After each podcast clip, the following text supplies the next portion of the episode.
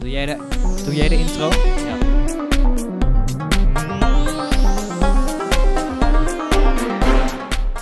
Dames en heren, welkom bij aflevering 12 van de Scheikunde Podcast.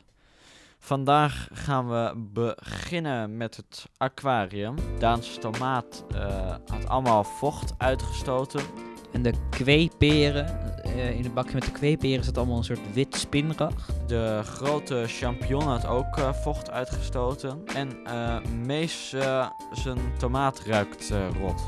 Eindelijk gebeurt er een beetje iets met de- mijn tomaat.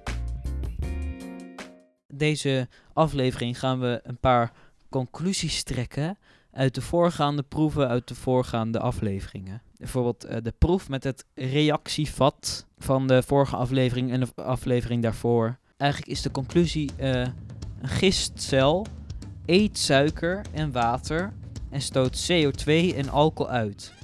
En hoe noemen we dat eigenlijk soort van in scheikundige termen? In eh, scheikundige termen noemen we dat eh, H2O, water, plus suiker, dat is eh, C12, H22 en O11. Die wordt dan vergist en dat wordt dan eh, koolzuurgas, oftewel CO2, plus alcohol en dat is CH3, CH2 en OH. Als je het ging verwarmen, kwamen er druppels met alcohol. Het meest geconcentreerde alcohol kwam er als eerst uit. Uit, eh, je weet wel, de proef met het eh, reageerbuisje. Want het kookpunt van alcohol is lager dan het kookpunt van water. Daarom zijn de eerste paar druppels het meest geconcentreerd. Omdat die als eerste verdampen. Veel eerder dan het water. En de alcohol eh, gaat dan omhoog met misschien een beetje water. En dan verdampt het weer en dan gaat het water weer naar beneden. En dan verdampt alcohol weer. En zo blijft de hele tijd doorgaan zodat het heel puur wordt. Dat noemen we destilleren. Nou, eh, De proef met de blaadjes. De proef met de blaadjes. Ja, de blaadjes die we gingen verknippen en in, de erlenmeien doen met gefilterde koffie. Dacht- Met, met gefilterde spiritus. Met kool, actieve kool. Nee, geen actieve kool meer. Dat hebben we eruit gefilterd. Oh ja, De conclusie is de blauwe kleurstof die hecht zich aan de actieve kool. want spiritus is eigenlijk niet uit zichzelf blauw. De blauwe kleurstof die hecht zich aan de actieve kool. En actieve kool, dat zijn eigenlijk een soort van allemaal eh, kleine balletjes met scheurtjes. Hele kleine balletjes. En er zitten scheurtjes en breukjes in. Het oppervlak van alle balletjes en scheurtjes overal. Eén theelepeltje, Dat is één dat voetbalveld. is ongeveer de grootte van één voetbalveld. Dus daar blijft al die blauwe kleurstof van de spiritus blijft eraan eh hechten. En dan blijft de kleurloze spiritus over. Na een dag was de kleurstof uit de blaadjes gegaan. En de blaadjes waren ook een soort bruin geworden. Bij ons waren de blaadjes bijna wit. En de kleurstof van de blaadjes was in de spiritus gegaan. En eh, de groene st- kleurstof, Die van die blaadjes afkomt. dat is bladgroen korrels. Eh, hierna hebben we nog een eh, proef gedaan, maar die duurde best lang. Ik heb een hele gedetailleerde tekening op de website gezet. Je moet even naar de tekening kijken om dit echt te begrijpen.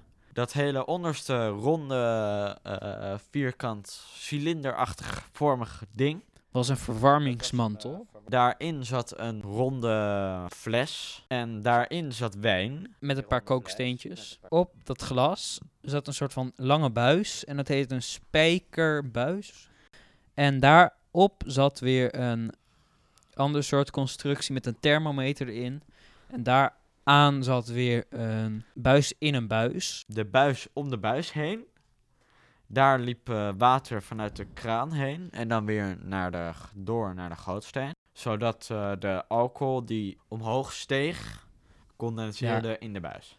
Ja, en daar, maar aan die buis in de buis zat weer een klein glazen ding. En daaraan zat een Erlenmeyer. De docent heeft ons deze les gewoon eh, dronken gevoerd. Zo Ja. kan je het wel noemen. We moesten allemaal de alcohol proeven. Nee, we mochten allemaal de alcohol proeven. We moeten even vertellen hoe, het is, hoe we het hebben gemaakt. Hoe we het hebben gemaakt. Ja, Hoe bedoel je? wat er gebeurde. Oh, ja. eh, de alcohol in de wijn verdampte. En je kon steeds zien bij dat eh, spijker, eh, spijkerbuis. Daar kon je steeds allemaal druppels zien vallen. En je kon ook voelen waar het warm was. En tot daar was de condens dan gekomen.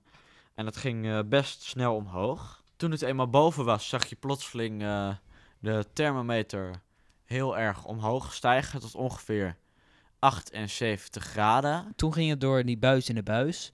En de buis om de buis, daar ging water doorheen, dus het werd afgekoeld. En toen kwam het eh, weer in het andere buisje.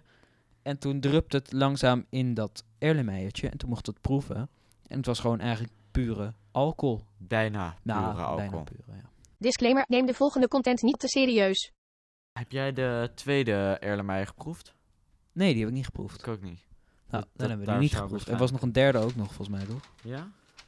Nou. die hebben we niet geproefd. Want ja, dat, is, dat, We dat waren was al- het. we waren al helemaal dronken gevoerd. Ja, en we wij- we niet zaten kater s- hebben de We volgende dag. zaten stom dronken aan die tafel. eh. Ik kan, me niet, ik kan me bijna niks meer herinneren van die les. nee, de, de rest, eh, ja. Is een zwart gat. Ik weet het helemaal niet meer. Nee, stom dronken. Ja, helemaal.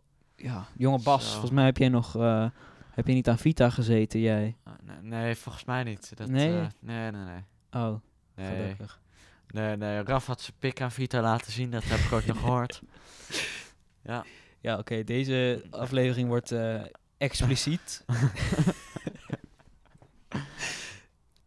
nou. Nou. Of we gaan we het gewoon allemaal uitknippen. We hopen jullie eh, volgende eh, aflevering weer te zien. Ja, En eh, nou, dit was dan aflevering 12. Nou, aflevering. doei! Doei!